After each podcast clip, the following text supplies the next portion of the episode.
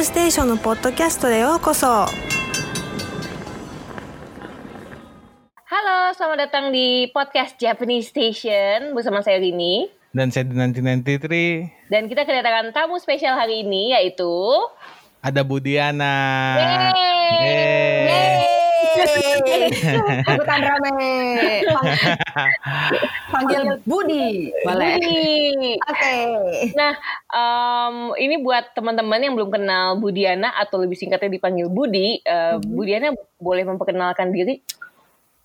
Oke. eh, saya Diana. Sebenarnya nama panjangnya Diana Sahidi Nugroho. Wah, itu nama aku, nama kakek aku, sama nama suami aku. Gitu ya. Tapi dipanggilnya biasanya eh, Diana S. titik Nugroho. Kalau mau cari-cari Diana S. Nugroho atau eh, Diana aja atau sekarang Budi. Budi. Gitu. Ya. Nah, dulu eh, kita kita kenal Budiana ini em, karena dia ini dulu kerja di Japan Foundation dan waktu itu banyak banget ngebantu Japanese Station. Ya, sampai sekarang masih jadi fansnya Japanese Station kok secara pribadi terus. Ah, Seru banget aku ngebayangin, ngebayangin kalian tuh kerja capek banget sih. Ya, hari ini Banyak kita kontennya. pagi meeting. ya, Oke. kita dibantu sama teman-teman juga di sini kan kita Ah. ada em, berapa tim kita 10 ya? 10 orang. Oh, oke, 10 oke. orang Ya. gitu. Nah, Budiana kan em, eh, dulu eh, kerja di Japan Foundation nih. Jadi kan eh, kita nyebutnya mungkin udah apa? eh, budayawan ya karena kayaknya udah Waduh. berkecimpung banget nih di di, di dunia em, pendidikan budaya baik di Indonesia dan Jepang juga nih gitu kan. Hmm, Nah, pemerhati budaya lah. pemerhati budaya. Kerenan kalau budayawan. Nah, Bu Diana bisa ceritain gak sih dulu Heeh. eh, pernah cerita-cerita ke aku kalau Bu Diana tuh sekolah di Heeh. eh, apa sekolah Indonesia di Jepang gitu. Iya, betul di Sekolah Republik Indonesia Tokyo, Mm-mm. SRIT. Nah, tempatnya Ikang Fauzi juga sekolah. Oh, Ya, itu kakak kelas. Nah bisa diceritain nggak Bu dulu em, sekolah di sana gimana sih em, situasinya teman-temannya gitu? Cara Sama pembelajarannya Mm-mm. apakah sama kayak di sini? Agak beda ya. Aha. Jadi dulu itu memang karena dulu banget ya, nggak tahu kalau yang sekarang mungkin sekarang sudah lebih eh, lebih mendekati di Indonesia. Kalau dulu sih itu kan aku waktu itu tahun 74 masih, uh kalian masih ada di mana ya tahun 74? 1900 tahun 1900 loh, bukan 2000. Kayaknya abad abad lalu gitu ya. Nah, di abad lalu, di abad lalu itu eh, jumlah siswanya itu hanya 150 orang dari TK sampai SMA kelas 3 oh, gitu. Jadi ada ada yang isinya cuma satu kela- satu orang juga ada. Misalnya Oh, gitu. kakak-kakak ah, kakak-kakak yang kelas SMA itu udah kadang-kadang satu kelas satu satu, satu orang atau bahkan nggak ada orangnya sama sekali. oh, Nah, Yang eh, sekolah di sana itu adalah anak-anak dari masyarakat Indonesia yang ada di Jepang saat itu. Dulu tuh masih sedikit banget. Jadi Mm-mm. dikit banget orang Indonesia dan eh, kita me- kita ngasih tahu Indonesia di mana pun sampai kapan pun mereka nggak ngerti kecuali satu kata Bali. Eh, bukan Soekarno oh, Soekarno. dulu justru. iya, iya. Oke, oke. ya Bali belum Bali nggak terlalu tapi Soekarno zaman dulu tuh masih itu dah baru oh iya gitu cuman mereka ngebayangin eh, terus ada pertanyaan suka gini nih masih ada gajah nggak seliweran depan rumah kamu Hah? Hah? jadi dianggapnya kayak hutan Oh, Ah. Dan seperti itu image mereka terhadap kita. Itu tahun itu ya, tahun 70-an. Terus oh. eh, sekolah di sana itu guru-gurunya tidak semuanya dikirim oleh Depdikbud Indonesia kecuali waktu itu kepala sekolah aja. Hmm.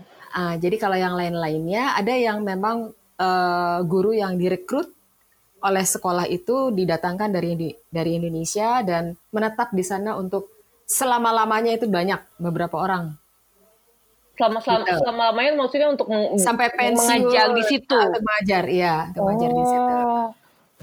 dan eh, banyak guru-guru yang eh, apa mengajar di sana dan kalau misalnya kekurangan budget biasanya juga merekrut eh, volunteer yang mau ngajar di sana dan eh, cukup prihatin walaupun kondisi seadanya dengan buku seadanya oh ya aku pernah ingat jadi sekolah itu sih dibangunnya tahun 62 Mm-mm. berpindah-pindah. Aku udah eh, pindahan yang terakhir tahun 72 itu ada gedung baru, gedung pampasan dari pemerintah Jepang, pampasan perang ya. Jadi dikasihlah ke Republik Indonesia ini gedung mewah tiga lantai dengan sport hall yang wow banget. Nah itu di tahun 72. Tahun 74 aku pindah ke sana jadi gedung itu masih baru banget ya keren sekolahnya dengan standar eh, sekolah Jepang. Jadi bayangin Oh. ada lapangan, ada lapangan olahraga yang bisa buat main basket, bisa buat main tenis, semua, semua di depan ya. Terus di Ya. dalamnya ada sport hall dengan eh, standar sekolah Jepang yang eh, ya 100% digunakan untuk olahraga ya. Di dalamnya bisa main badminton, bisa main tenis, bisa ada panggungnya. Pokoknya kayak sekolah-sekolah Jepang deh. Ini kayak sekolah-sekolah di dogama-dogama Jepang gitu Iya, ya. kayak gitu. Panggungnya, terus ada eh, tirainya yang dari beludur tebal banget. Keren kan? Oh, iya iya Wow, iya iya iya. iya. Kelasnya sih sedikit, karena memang jumlah eh, siswanya kan sedikit. Cuma 150 orang itu. Oh. Nah, itu gurunya eh, tadi kan ada yang dari Indonesia yang kirim, dikirim oleh Mendikbud. Ada Kak, di situ ada guru bahasa apa ada guru yang dari Jepangnya juga nggak? Maksudnya orang Jepang. Ada, ada. Jadi ada guru-guru Jepang, misalnya dulu ada guru seni rupa. Gurunya itu keren banget, pokoknya kayak yang di dorama itu ganteng. Ganteng banget. kita, kita sampai berdebar gitu kalau misalnya deket dia. Makanya keren banget si guru itu. Terus rambutnya juga gondrong yang wow gitu. Nah, oh ya, terus seragam kita juga keren. Seragam kita dari dulu sampai sekarang, seragam kami ya, itu eh, jas biru tua, rok ataupun eh, pantalan biru tua, terus rompi biru tua, kemeja putih, dasi merah gitu. Itu seragam kita. Terus ada ada badge-nya. Kalau dulu badge-nya itu gambar Garuda, burung Garuda. Da- Jadi eh, Garuda Indonesia ya, tapi kalau sekarang badge-nya kelihatannya diganti.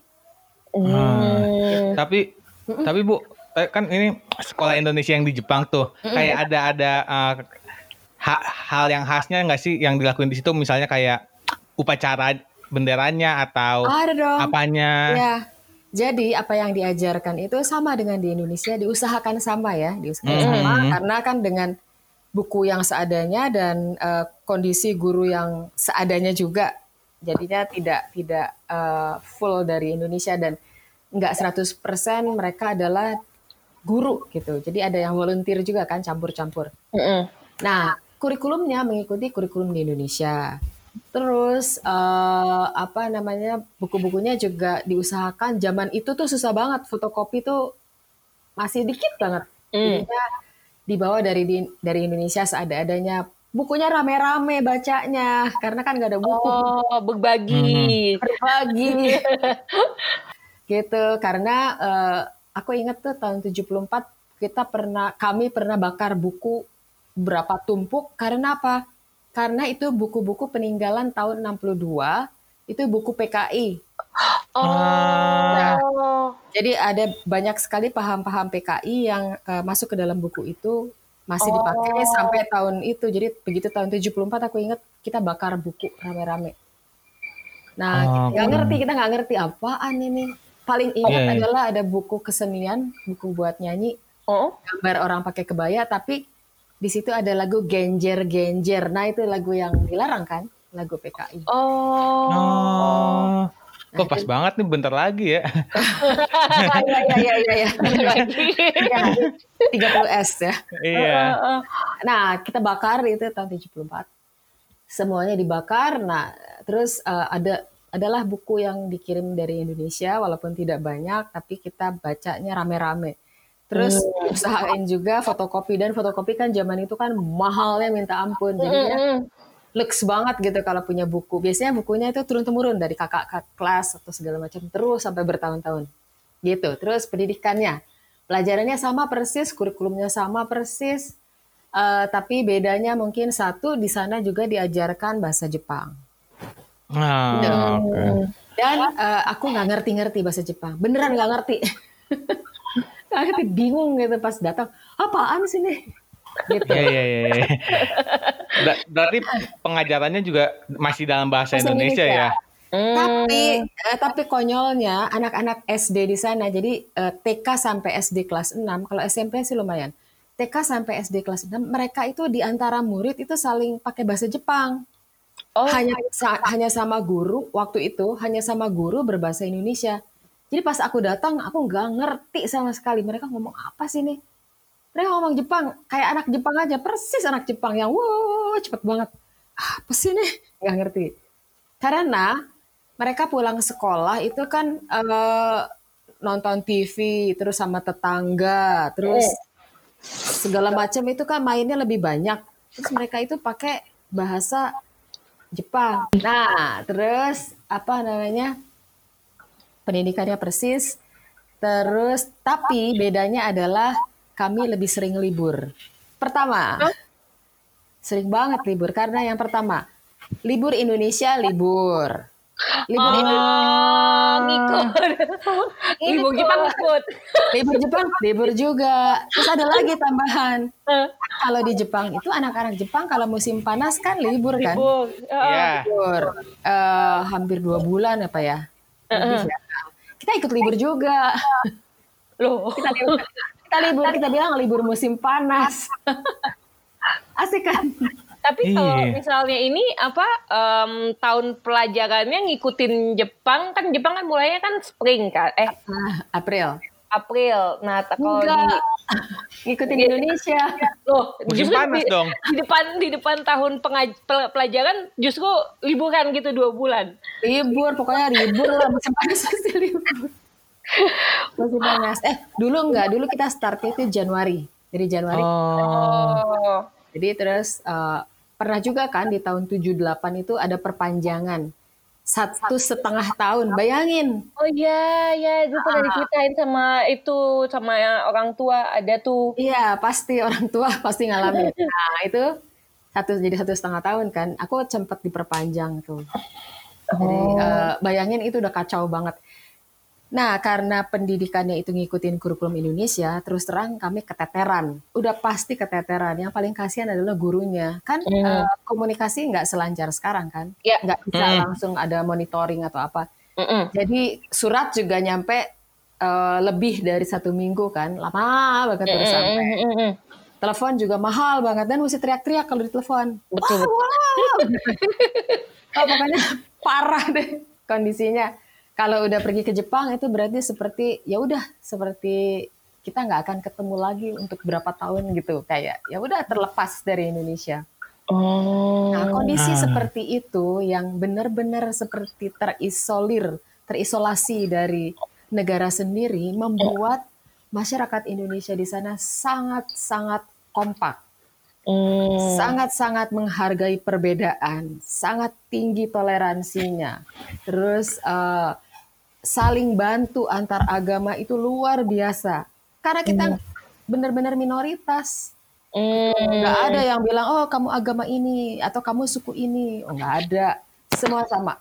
Orang Itu Indonesia. Hmm. Orang Indonesia dan eh, mengharukan banget loh karena waktu itu sempat ada ada apa ya? Ada peristiwa eh, Timur Timur itu masih Timur Timur ya. Itu kan eh, bergejolak di sana. Nah, efeknya adalah di Jepang waktu itu ada simpatisan kan, ada simpatisan eh, ke Timur Timur gitu. Ada simpatisan eh, masyarakat Jepang yang bela itu dan menjadi anti RI kan berarti anti Oh. Ingat banget waktu itu kita dikumpulin, ingat banget musim dingin kita dikumpulin, terus dikasih tahu anak-anak kan di sana waktu itu anak TK juga eh, walaupun umurnya tiga tahun juga kita naik kereta sendirian kan ke sekolah. Iya. Oh, oh. Iya. Jadi naik kereta bisa dua tiga kali, terus ganti bis lagi gitu.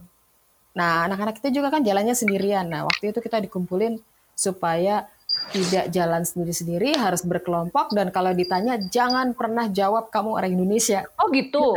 Ah, ah, jadi diem aja kalau dijawab ditanya itu ini wakarimaseng, wakarimaseng. Ingat banget. Oh. Terus semua badge, semua tanda-tanda atribut yang berbau Indonesia semuanya dilepas. Oh. Nah, waktu itu juga kedutaan Indonesia juga diserang. Ada Oh, ya? orang eh, ada yang ngirim apa ngelempar bom. Bom molotov Wow. Wow. Sebegitunya. segitunya. Nah, terus yang paling heroik adalah ada supir orang Jepang namanya Satosang. Nah, Satosang itu nangkep dia itu pemain baseball. Oh Jadi God. begitu ada bom molotov itu dia tangkap bom molotovnya dia lemparin lagi. Itu Oh, meledak. wow. meledaknya tuh di luar di luar eh, pagar kedutaan tahun itu. Wow banget. mungkin sekarang mungkin yang kerja di kedutaan sekarang juga nggak nggak ada yang tahu kali cerita ini. Tapi kalau ada yang dengar ya itulah yang terjadi gitu. Seru kan? Oh, se- itu itu kayak di film-film dah. Kayak Iya iya iya. oh. gitu. Dan eh, saking sedikitnya apa namanya eh, warga Indonesia yang ada di Jepang, kita sa- sangat kenal. Kita kenal banget misalnya sama keluarga A, kita kenal mulai dari adiknya yang paling kecil sampai adiknya yang paling besar, sampai ibunya, sampai bapaknya, dan sampai saat ini kami semuanya tetap kompak gitu. Ada Mas- ada ada klubnya lah gitu. Kenapa? Iya, iya, iya. Berarti masih tetap komunikasi juga ya sampai sekarang ya?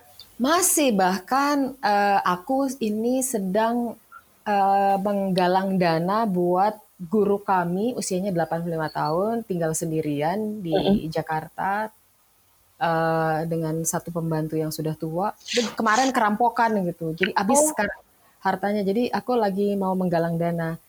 Jadi Hmm. namanya Ibu Roslaini. Kalau misalnya ada yang masih ingat dengan Ibu Roslaini, nanti eh, tolong cek Facebooknya Sekolah Republik Indonesia Tokyo.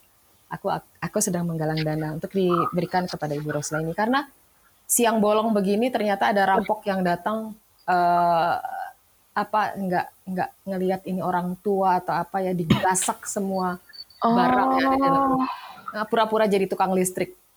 Ah. Aduh, zaman gini. pura-pura ngecek listrik terus habis itu eh, si ibu ini udah tua kan diajak ngomong terus kan namanya juga orang tua jadi dia dengerin Iya. terus Mm-mm. terus pembantunya juga orang tua juga jadi dengerin terus terus ak- akhirnya di mana ya kontak-kontaknya di sini sini sini akhirnya itu ternyata setelah itu masuk beberapa orang ke dalam untuk ngambil barang dan nggak bisa bilang apa-apa lagi Oh.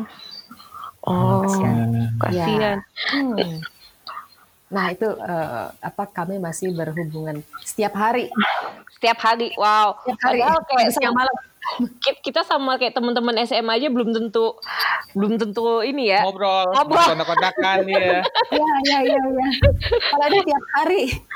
Bayangin tiap hari. Jadi hari ini aku tahu teman A ini lagi si A lagi ada di Kebumen, lagi ngurusin hotel, misalnya si B lagi belanja ke mana, mereka cerita, eh gue lagi di sini nih, gue dong jalan-jalan, apalah. Macam-macam. Oh, Tiap hari lah, pagi sampai malam. oh, itu beneran karena mungkin ini ya kayak sekarang mungkin kalau misalnya kita temen SMA kita take for granted gitu ya kayak oh kontak dia gampang kok tinggal ambil WhatsApp doang gitu kan. Kalau mm, kalau mm. mungkin kayak zaman dulu ya karena ya eh, merasa sendiri di negara Iya. orang tapi ada teman-teman seperjuangan nih Ah, istilahnya jadi iya. lebih lebih lebih terasa akrab gitu ya. Kayak saudara jadinya. Heeh. Saudara banget. Nah, eh, Bu Diana sekarang setelah em, apa setelah pensiun dari Japan Foundation, kegiatannya apa sih? Kegiatan aku. Mm-mm. Jadi waktu mis, eh, waktu tamat dari Japan Foundation itu benar-benar tamat karena Tamat di graduation ya kayak idol ya. Iya, iya. karena diupacarain kan. Oh my god. Oh, gitu. Jadi sama semuanya ada acaranya pas pas ulang tahun kan. Jadi pas tahun nih. Ini benar-benar podcast ini memang juga eh, ulang tahun satu tahun pensiun aku. oh. Omedeto. Gitu, Mas. Jadi begitu pensiun eh, awalnya masih mikir oh eh, mau ini ah jadi ini aja ah, jadi penerjemah. Ternyata tidak semudah itu gitu. Jadi penerjemah. Walaupun dengan apa namanya pengalaman kerja di JF 23 tahun tidak semudah itu Ferguson. Wow, 23 tahun. 23. Mm-mm. Ah. Jadi eh, terus kok udah ngasih apa CV segala macam kok nggak ada order oh nggak bisa mesti mesti lebih aktif kan terus aku pikir nggak lama kemudian pandemi kan? Mm, mm, mm. udah nggak eh, jadi aku merasa awalnya merasa namanya juga orang pensiun ya karena rasanya seperti lepas gitu yang hah? Nggak ada siapa-siapa gitu. Rasanya seperti nggak ada siapa-siapa. Nah tapi eh, abis itu pandemi kan jadi aku merasa wah orang kayaknya pensiun satu sedunia ya rame-rame bareng aku gitu. Oh, barengan. Se- serentak, serentak. Serentak sedunia gitu bareng aku. Oke, terus aku akhirnya mulai lah bikin ini eh, IG live itu. Aku ngajak, aku ngajak eh, teman-teman ngobrol gitu segala macam. Karena aku pikir banyak sekali pengetahuan hal-hal positif yang banyak banget yang aku dapetin selama 23 tahun dan ketemu banyak orang yang sayang banget kalau nggak aku bagi-bagi aja deh, bagi-bagi aja deh. Akhirnya aku ngoceh aja tiap hari. Nggak tiap hari sih, seming eh, hari Minggu dua kali dan hari Rabu sekali. Jadi hari Minggunya itu teman dua kenapa dua kali? Karena eh, disesuaikan dengan jam Jepang karena banyak narasumber yang dari Jepang. Dari Jepang. Heeh. Hmm. Jadi eh, terus kalau yang malam teman-teman bilang enggak kita maunya malam ya udah bikin dua kali lah. Oh, tiga. sesuai request ya. Sesuai. jam, jam 3 sore sama jam 8 malam di hari Minggu. Tapi kalau hari Rabu jam 10 pagi karena dongeng buat anak-anak gitu. Ah, itu di Instagram juga, Bu? Di Instagram di tetangga Nobita. Ya, at Eh, tetangga. eh, tetangga Nobita. Oke. Iya. Follow ya, follow ya. Aku udah follow. Terima kasih.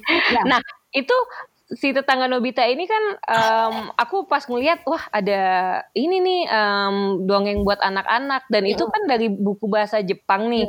Itu ide pertamanya gimana tuh Bu? Ada ide buat bikin eh, mendongeng untuk eh, Anak. anak. an- ah. Ya. Dan kenapa memilih nama tetangga Nobita? Nah itu. Oke. Mungkin tetangga Nobita dulu ya.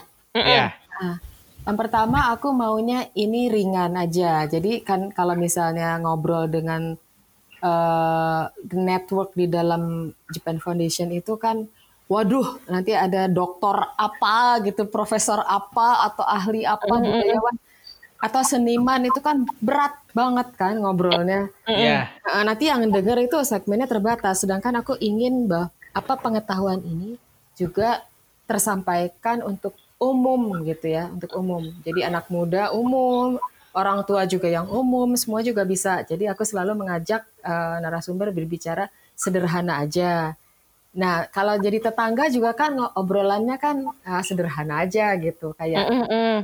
kayak kalau di Jepang apa namanya ido ido basi ido ido basi hanasi jadi Mm. obrolan ibu-ibu di sumur kalau di Indonesia mungkin obrolan Oh. Kalau di sini ibu-ibu depan komplek lah. ah, depan pasar Eh. Obrolan komplek. ah. Ah, biasanya kalau ada tukang sayur ngobrolnya di situ kan ibu-ibu Ya. Mm-mm. segitulah levelnya tapi Ah. ini segala sesuatu yang positif dari Jepang nah Jepang itu kan si Nobita karena orang Indonesia kan kenal lah dengan Nobita ya dengan Ya. Doraemon, Ya. Nobita nah terus aku Budi itu menjadi tetangganya si Nobita karena deket banget kan dengan Jepang gitu. Jadinya kalau ada apa-apa bisa nanya ke eh tetangga lo lagi ngapain?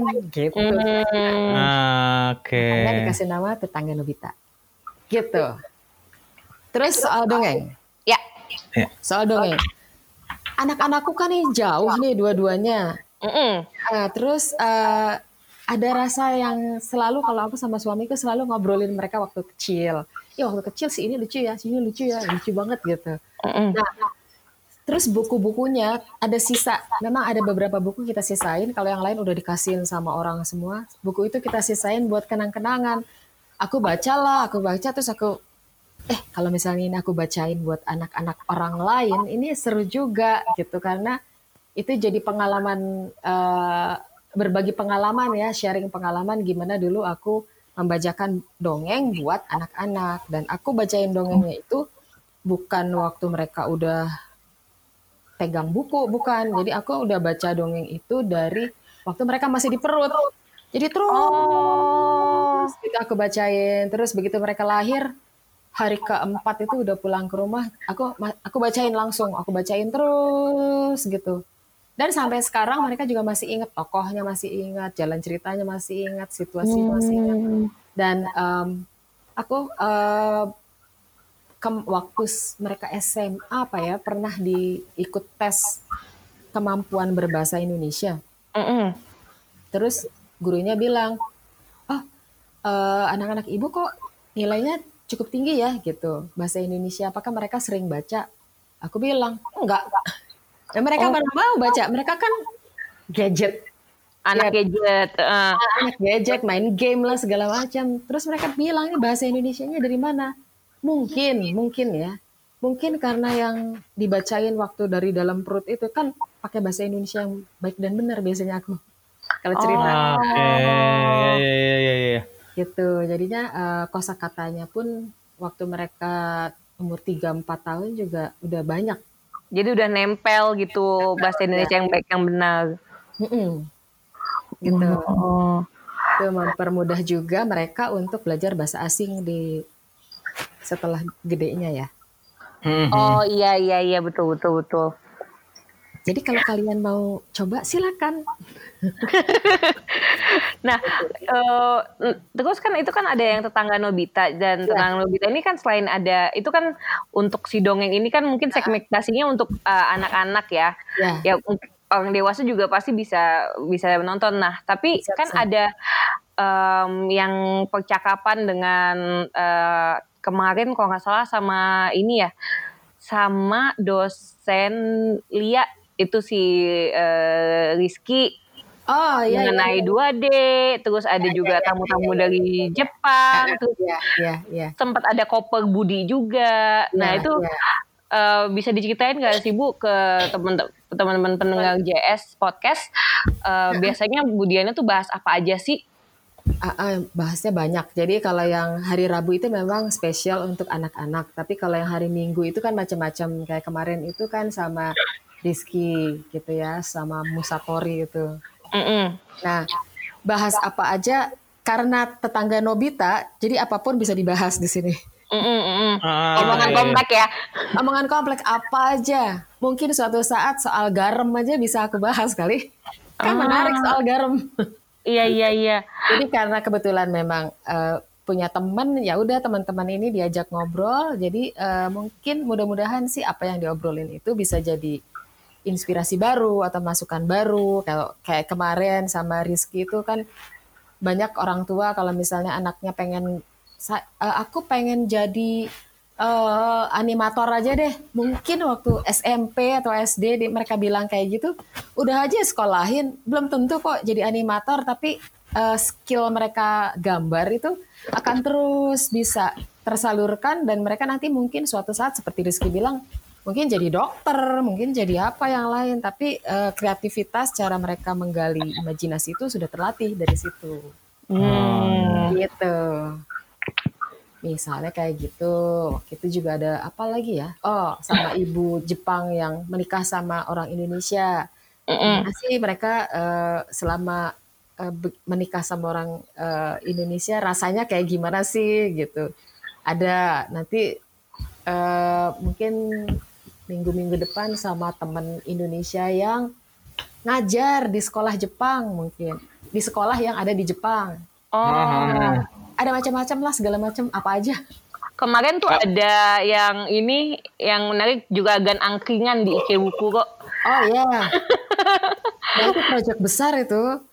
Itu proyek besar banget dan uh, dilakukannya oleh si Jun Kitazawa kan PhD doktor dia uh -uh. doktor uh, uh, terus dia bikin proyek uh, di mana oasis itu bisa ditemukan di sini. Di Jepang itu oasis kan rasa untuk uh, apa melepas lelah, melepas uh, apa haus segala macam. Itu nyaris nggak ada bukan berarti di kafe. Beda beda beda konsep kafe segala macam kan ada tapi orang Jepang itu sendiri kan selalu terikat sama waktu selalu terikat sama aturan segala macam sedangkan angkringan yang ditemukan oleh si oleh Jun di Jogja itu adalah rasa damai, kita bisa ngobrol dengan orang yang duduk di situ tanpa perlu kenal gitu langsung bisa ngobrol akrab. Orang Indonesia kan begitu kan? Iya. Gitu. Semuanya bisa jadi teman. Semua bisa Betul. jadi teman. Bisa jadi malahan orang yang diajak ngobrol itu sampai bilang ya udah deh gue bayarin deh lo semuanya. Iya. Nah, se- seperti itu oasis yang dirasakan. Nah, oasis yang seperti itulah yang dia bawa ke Jepang Mm-mm. dengan membawa angkringan. Dia harapkan di situ nanti akan datanglah orang-orang Indonesia yang ada di situ juga orang Jepang mereka berinteraksi di situ. Ada pertukaran budaya, ada pertukaran pemikiran dengan eh, santai gitu. Nanti orang Jepangnya ngelihat, ih orang Indonesia itu santai banget ya bisa ngobrol ini itu. Padahal Nggak kenal. Ah, ah, gitu. Jadi itu yang diharapkan dia bawa dan itu cukup banyak itu beberapa angkringan lengkap loh dibawanya. Ada ceretnya, ada kemarin tuh lupa fotonya ditampilkan. Ada ceretnya, ada gelasnya itu semua dibawa dari Indonesia. Alat-alatnya, ember-embernya, tempat duduknya semua dibawa. Terus gulungan pakai bambu. Tikar. Bukan pakai tikar, pakai bambu. Pakai bambu, angkringan kan pakai kayu, eh, pakai iya. gerobak. Ah, Gerobak. Ah, ah, ah. gerobaknya itu dibawa dari sini terus atapnya itu Oh yang itu bu- eh, itu benar-benar niat banget ya. iya itu project soalnya project eh, apa namanya projectnya dengan biaya dari Japan Foundation Oh. Ah, ah. Gitu waktu itu juga eh, PIC-nya juga aku kan jadi aku baca proposalnya tuh banyak banget belum Oh, oh. belum laporannya nanti sebuku telepon itu laporannya Wah.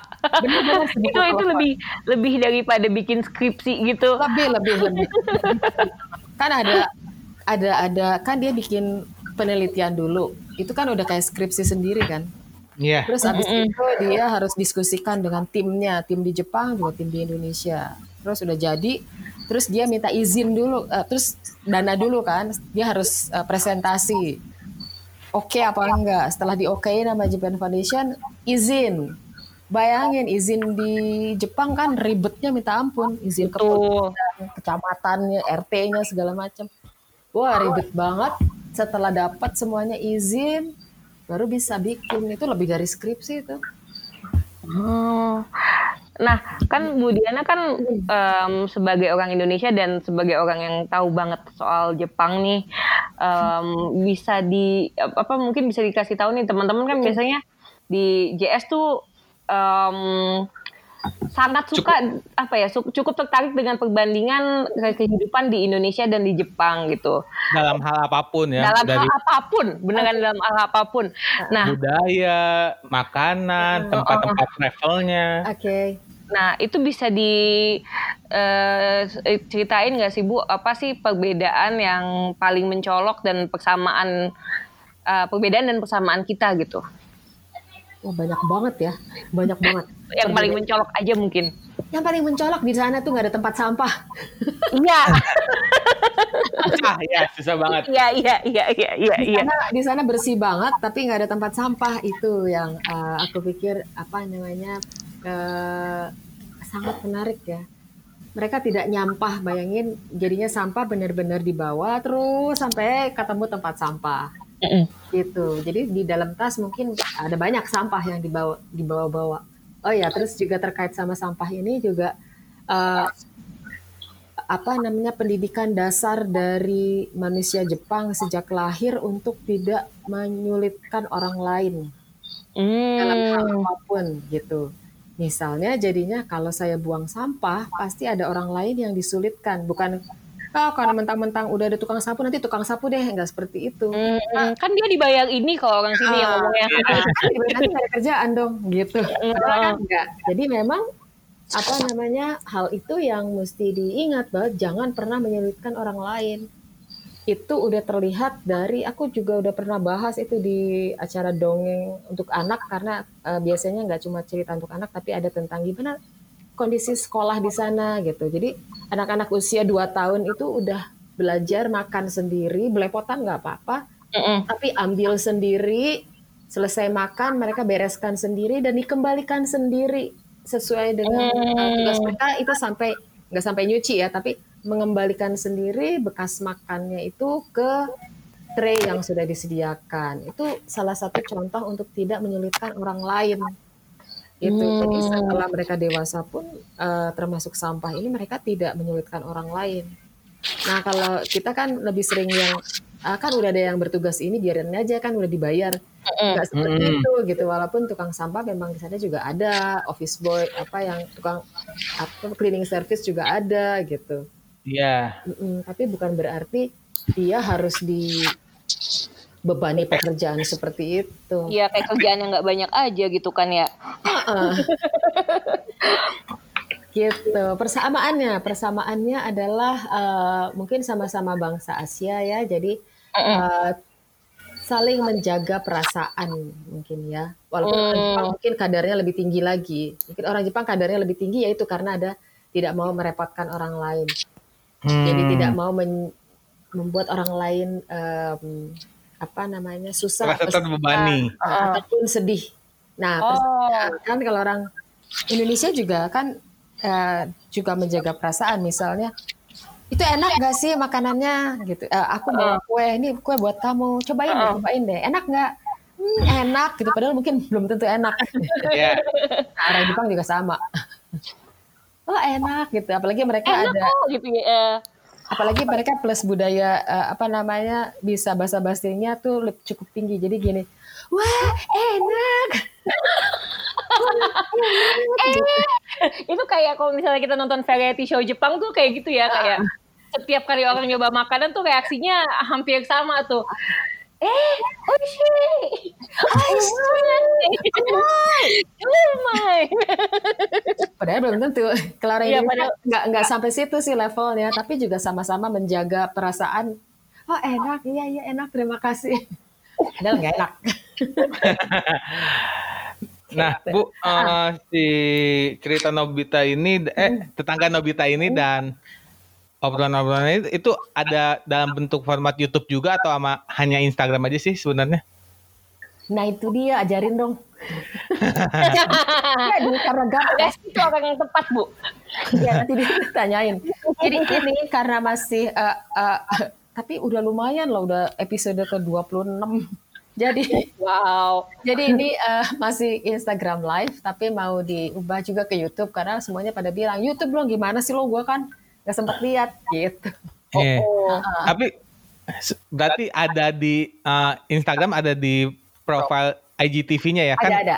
Ah, Oke. Ah, jadi bisa nonton jadi yang nggak sempat silakan nonton di ya, IGTV-nya. Juga banyak itu ja- eh, banyak eh, kemarin itu sempat eh, ngobrol sama siswa-siswa Indonesia yang sedang kuliah di sana. Gimana caranya mereka dapetin beasiswa?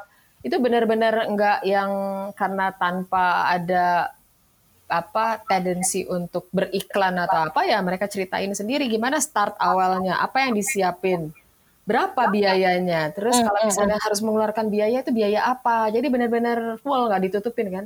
Hidup di sana gimana caranya bertahan gimana gitu.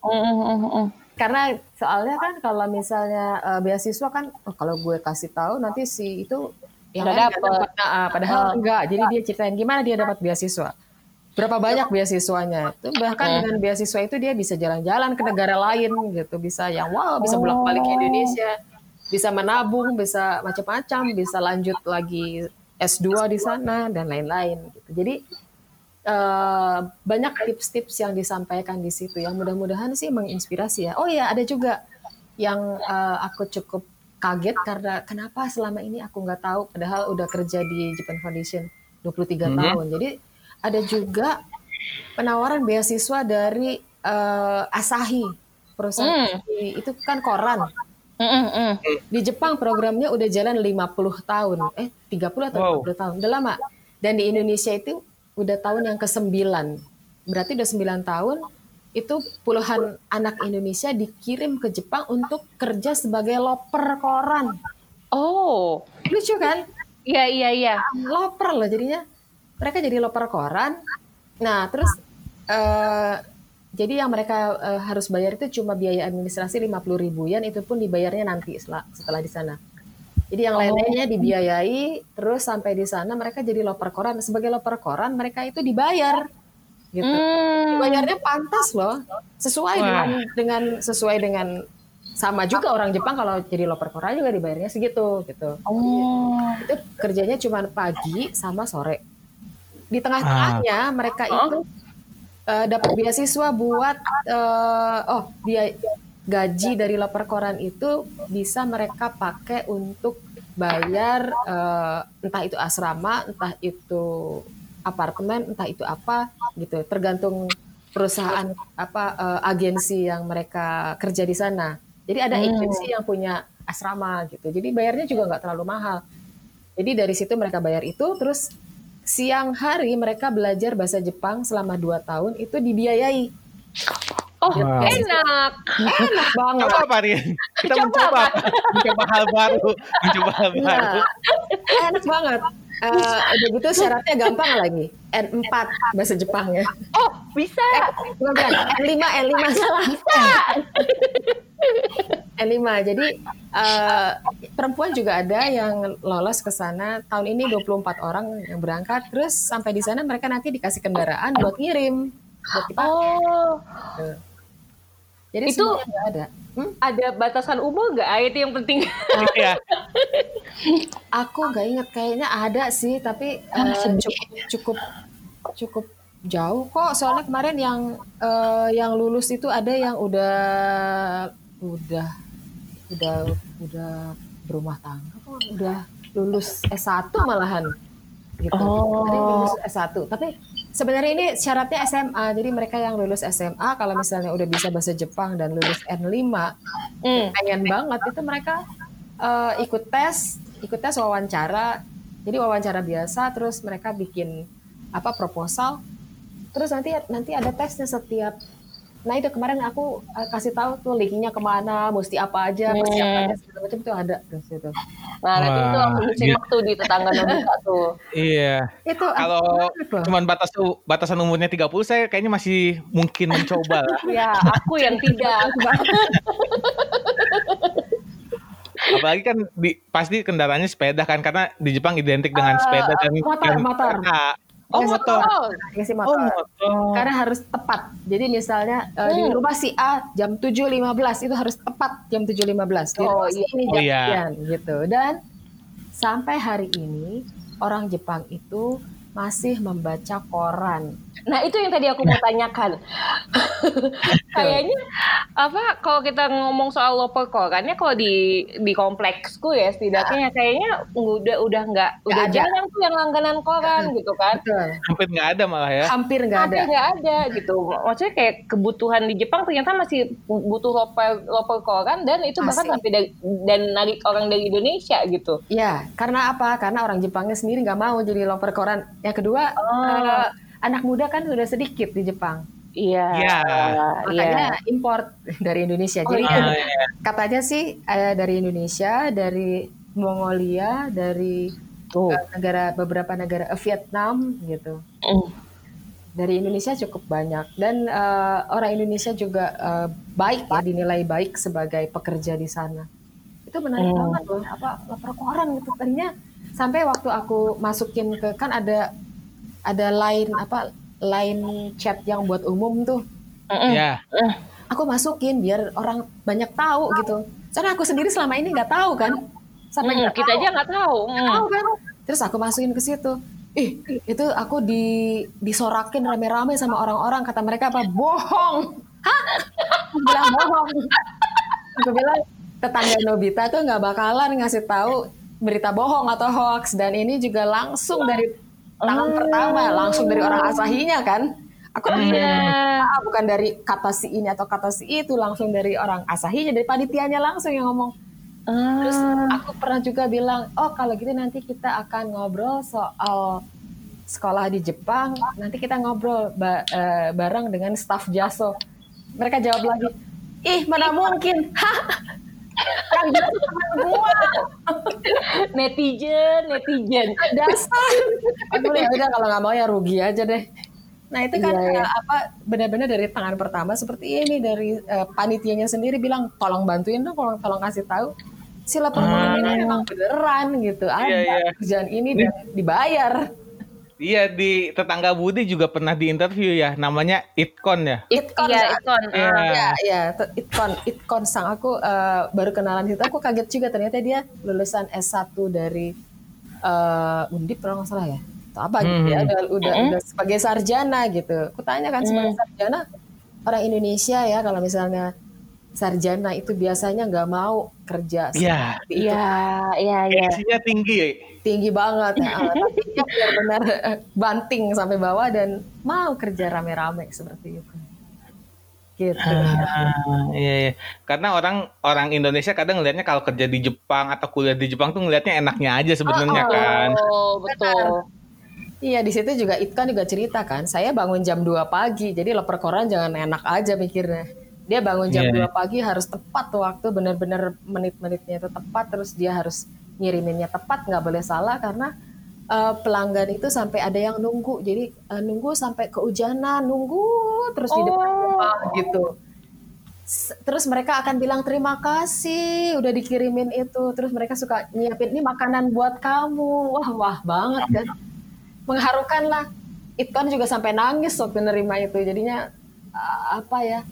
Uh, mereka juga sangat menghargai loper koran, nggak cuman dilempar-lempar gitu koran enggak. Iya, iya, iya, iya. Karena korannya kan juga dibungkus, waktu di, dikasihnya juga bayangin kayak ngasih bawa oleh-oleh dari jauh. Ini oleh-oleh buat kamu, terus yang nerimanya juga terima kasih banget.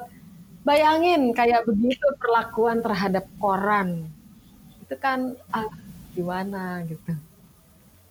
Kita nggak nemuin itu kayak gitu di sini ya. U- Iya, udah nggak ada, udah nggak Udah, ada. ya hampir nggak ada. Gitu. Iya tuh, makanya seru lah. Nah, a- aku pengen balik lagi nih Bu ke awal nih yang pas ba- bahas masalah sekolah Indonesia di Tokyo itu. Ya, Nah, itu berarti sampai dari tahun 72 sampai sekarang tempatnya masih sama ya? masih sama. Itu di Meguro. Di Oh, di Meguro. Jadi kalau ada yang sempat ke Meguro, ada yang Hmm. mau eh, lihat dan di sana juga kebetulan ada masjid baru dibikin. Jadi kalau misalnya ada yang mau sholat, silakan sholat atau jumatan juga ada di sana. Jadi bisa belok tuh ke Sekolah Republik Indonesia Tokyo.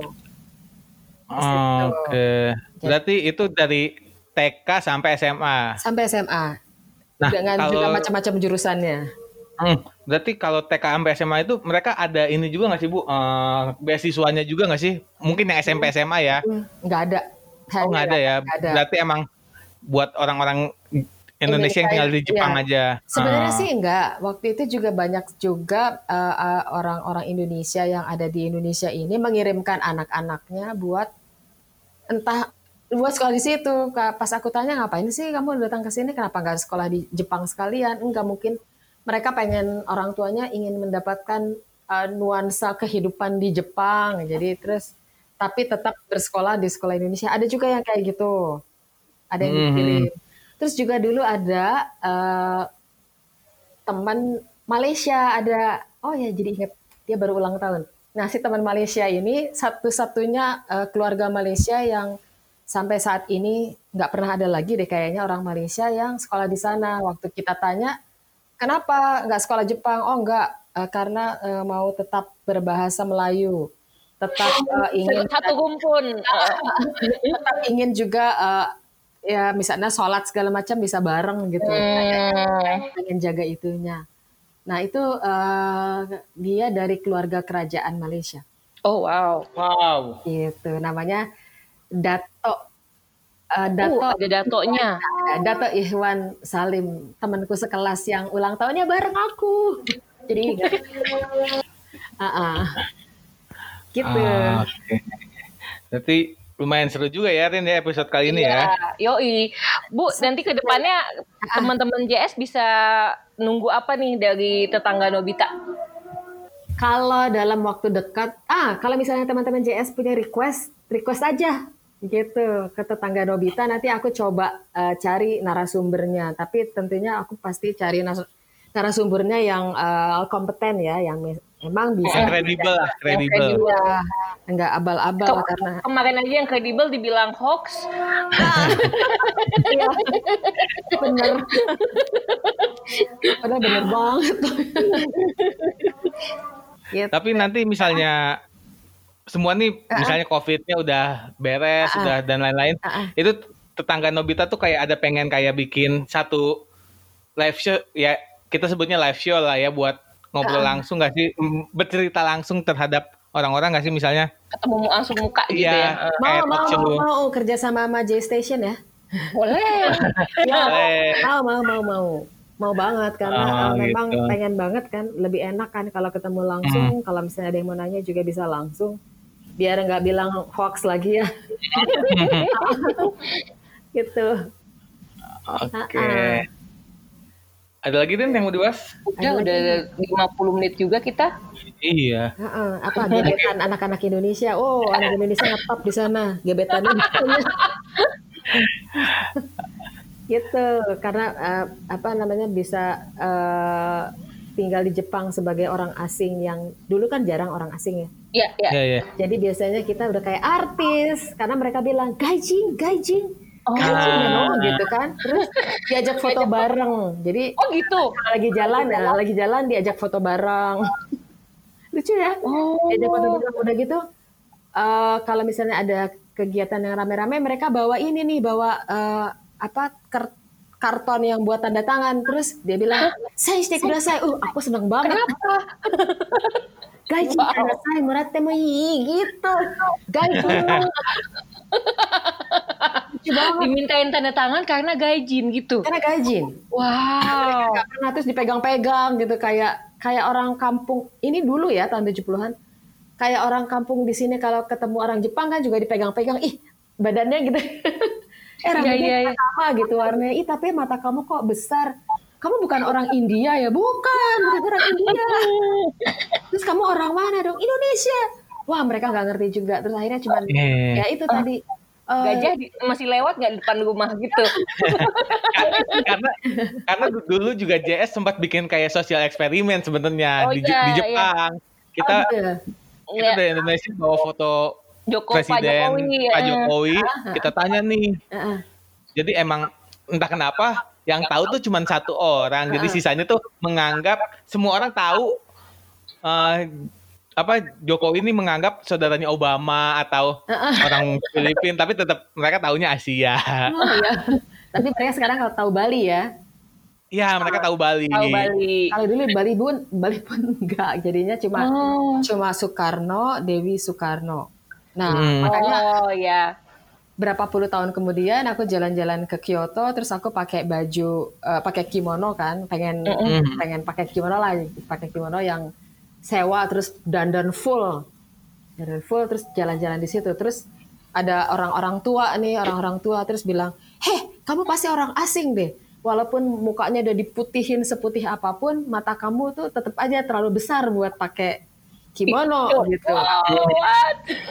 Udah dikecilin padahal matanya udah dikasih pokoknya di Jepangin banget. Eh, Terus kamu orang mana sih? Indonesia.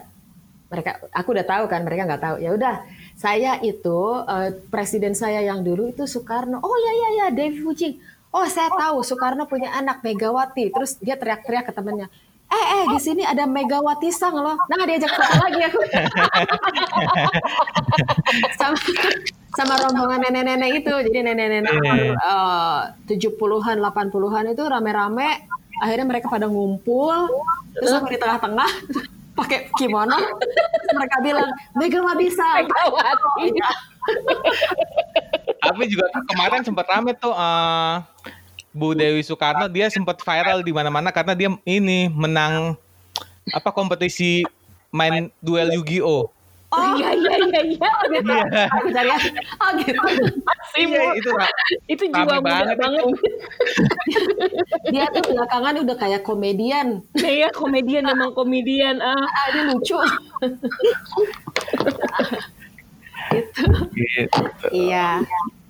Baiklah Bu Oke. Diana, terima kasih Oke. banyak udah Sama-sama. nemenin kita ngobrol-ngobrol tentang eh, nostalgia waktu di eh, apa sekolah Jepang. Republik Sekolah Indonesia ya. Republik Indonesia Tokyo. Eh, terus Dan eh, apa ngasih-ngasih info kita kayak hal-hal baru yang tadi kayak lopet ternyata lompat kolan terus eh, angkringan tuh Angkringan. ternyata dibawanya semuanya dari sini dan lain- Iya, cara Dan lain-lain. iya Iya, bikin pengalaman banget buat segala. kita kita juga Heeh. Eh tapi buat yang- angkringan itu bukan buat bisnis ya. Jadi kemarin itu cuma 10 hari, abis itu angkringannya diangkut lagi. terus balikin ke Ah. Indonesia atau Harus balik lagi, harus balik Oh lagi. Jadi itu hanya untuk memperkenalkan saja. Iya, betul. Memperkenalkan Ah. OSIS dari Indonesia. Gitu. Oke. Ya semoga nanti mungkin habis pandemi atau apa kita bisa melihat hal-hal yang baru yang kita ketemuin di Indonesia ada di Jepang lah ya. Mm, pertukaran budayanya lebih lancar daripada sekarang nih tahun 2020 ini. Iya, siapa tahu kita bareng ke sana. Yuk, yuk, yuk, yuk, yuk. Oh, bisa, bisa, bisa, bisa. Kita cari cara biar bisa bareng ke sana. Yuk. mau mau mau. Iya, iya, iya. Nah, buat Oke. teman-teman jangan lupa nanti bisa follow eh, Ibu Diana di @tetangganobita atau mm, di @tetangganobita banyak Info lah banyak info, banyak Ya, hal-hal ya. yang bisa kalian pelajari dan ya mungkin kayak tadi kalian bisa nemu info-info tentang beasiswa atau yang tertarik kerja di Jepang atau apa. Iya, buat yang kerja Iya. di Jepang juga. Lucu-lucu kok infonya. Iya. Tadi Baik. ada tetangga Nobita sama apa lagi, Rin? eh, Diana underscore s dot nugroho. Nah, susah kan Oke, kalau itu. nah, itu. Kalau tetangga Nah. kita gampang. Ya, nanti kita tulis aja di deskripsi kita ya. Oke. Oke, sekali lagi terima kasih Bu Diana Terima kasih untuk waktunya. Terima kasih.